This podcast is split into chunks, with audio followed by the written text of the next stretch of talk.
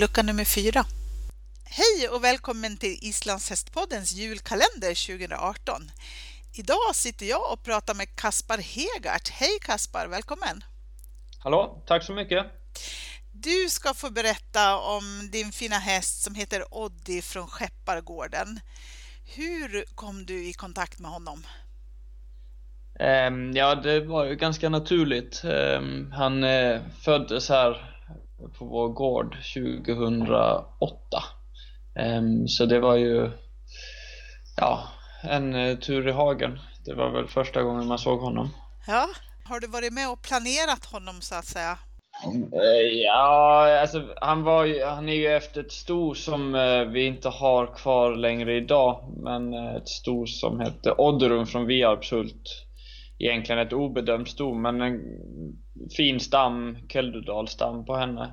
Um, och sen så är hon, uh, sen så är han ju betäckt med min gamla tävlings, tävlingshäst och vår avelshingst Ajir från Skeppargården.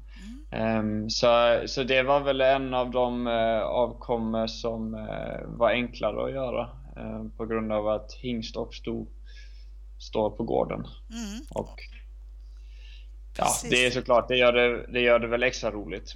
Ja, och det blev en lyckad kombination får man väl säga. Ja, absolut, det, det var en prick. Ja. Mitt i prick. Mm. Du kan väl berätta vad ni har gjort så här långt? Han är tio år hingst, eller hur? Visad ja. och tävlad. Berätta om Oddi. Um, jo, han är ju en hingst som sagt och han är väldigt stor, 1,47 närmare bestämt. Um, så det tog ju lite tid. Han reds in där när hösten när han var tre och sen så kom han fram till visning som femåring och då blev han faktiskt Sveriges högst bedömda femåriga hingst det året, mm. 2013. Eh, och det står kvar som hans högsta bedömning idag, det är 8,27 den är på. Eh, sen, dess, sen efter det så var det några år där jag började plugga till veterinär och jag red inte honom riktigt, han vilade. Eh, sen så tog vi väl upp kontakten igen 2015 eh, och så, så tränade jag honom tillsammans med min fru eh, Malou.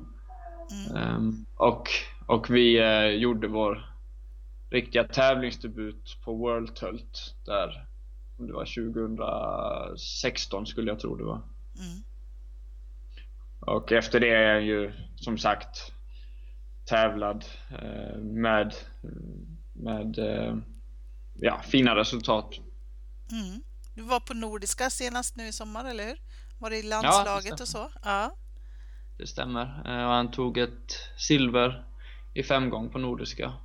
Precis. Ehm, så nej, det, det, har, det har, eh, har gått en ganska jämn kurva uppåt. Sen går det alltid lite upp och ner under en säsong sådär, men överlag så har det varit en stigande formkurva på honom. Ja.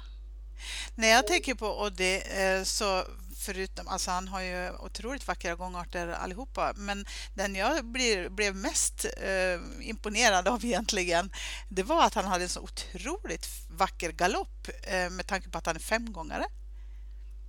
Ja, den är, den är väldigt bra. Um, det, det är väl en av, um, vad ska man säga, Oddys styrkor. Personligen så är det ju Um, det är en häst som man inte, en typ av häst man inte stöter på så ofta. Um, och och uh, han har verkligen, han har egentligen fem otroligt bra gångarter mm. och så har han ju uh, bland annat en galopp som, som uh, sticker ut och, och är väldigt kul för den vållar ju ofta lite spontana hejarop och grejer. Ja, så det är extra, extra roligt. Ja.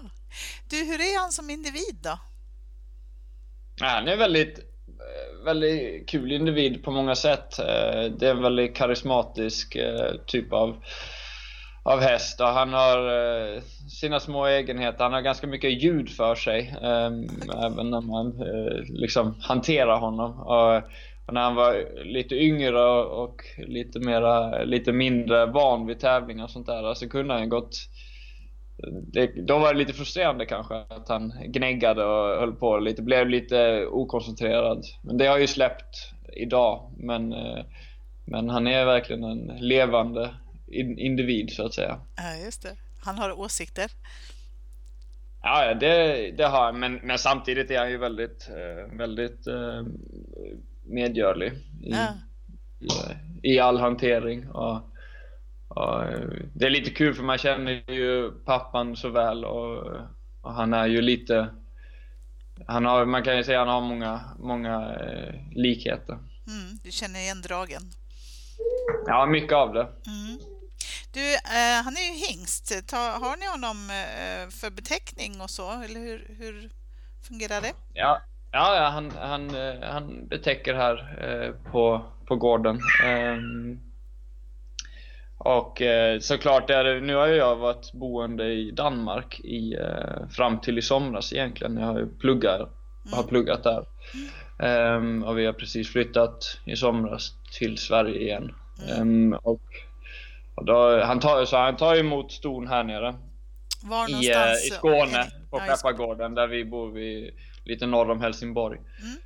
Um, men uh, ja, han har inte våldsamt många avkommor, det har han inte. Men uh, de som finns ser väldigt fina ut. Mm, vad kul. Du, har du någon speciell händelse med Oddi som du skulle vilja berätta om? Um, jo, det finns väl, uh, när du har en häst så finns det ju många uh, händelser som man kommer ihåg.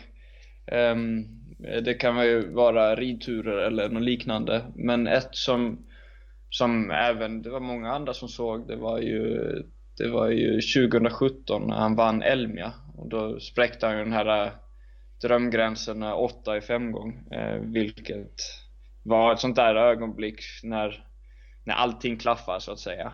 Um, och det, det får man kanske aldrig uppleva igen, det vet man ju inte, men, men det var ett väldigt speciellt ögonblick på många sätt. Mm. Precis. Eh, och Elmia är inomhustävlingen där som brukar vara på hösten, eller har varit ja. ett par år i, rad. Eh, ja. Och där vann Oddi fem gången.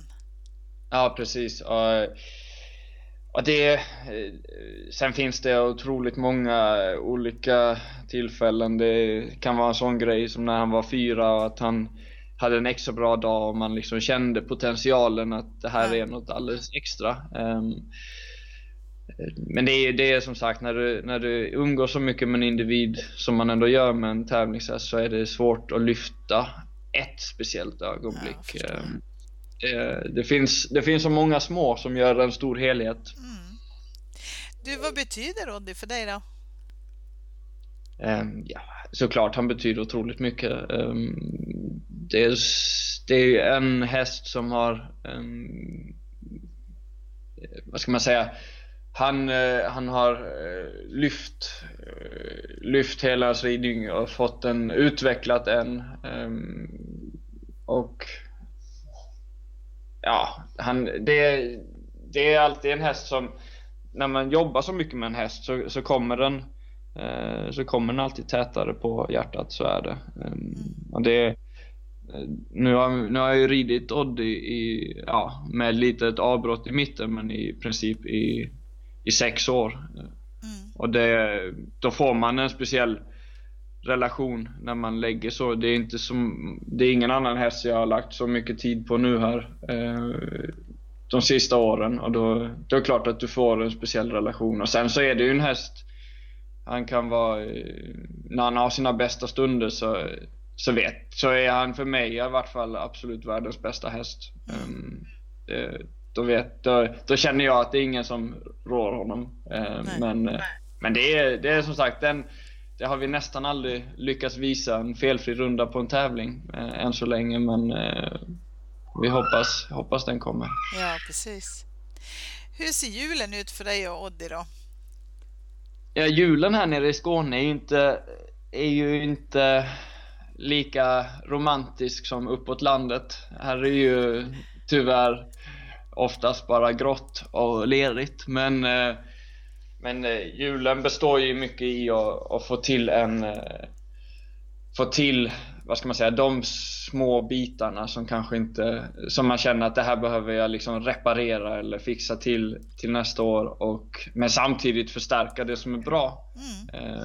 Så, så det handlar inte om att ändra på någonting i träningen men, men det, det är lite vi, vi har ju som sagt, jag har inget ridhus eller någonting så, så träning är alltid ute efter lite vilket underlag det är. Det kan vara allt från blankis till Precis. djup lera. Eh, sen kan det ju förekomma att det är snö här men det är inte så ofta längre som vi får någon, någon snö som ligger i vart fall. Nej, precis. Du, är det så att eh, ni tar en passrepa på julafton eller tar ni ledigt då? Ja, det... Återigen så är det lite...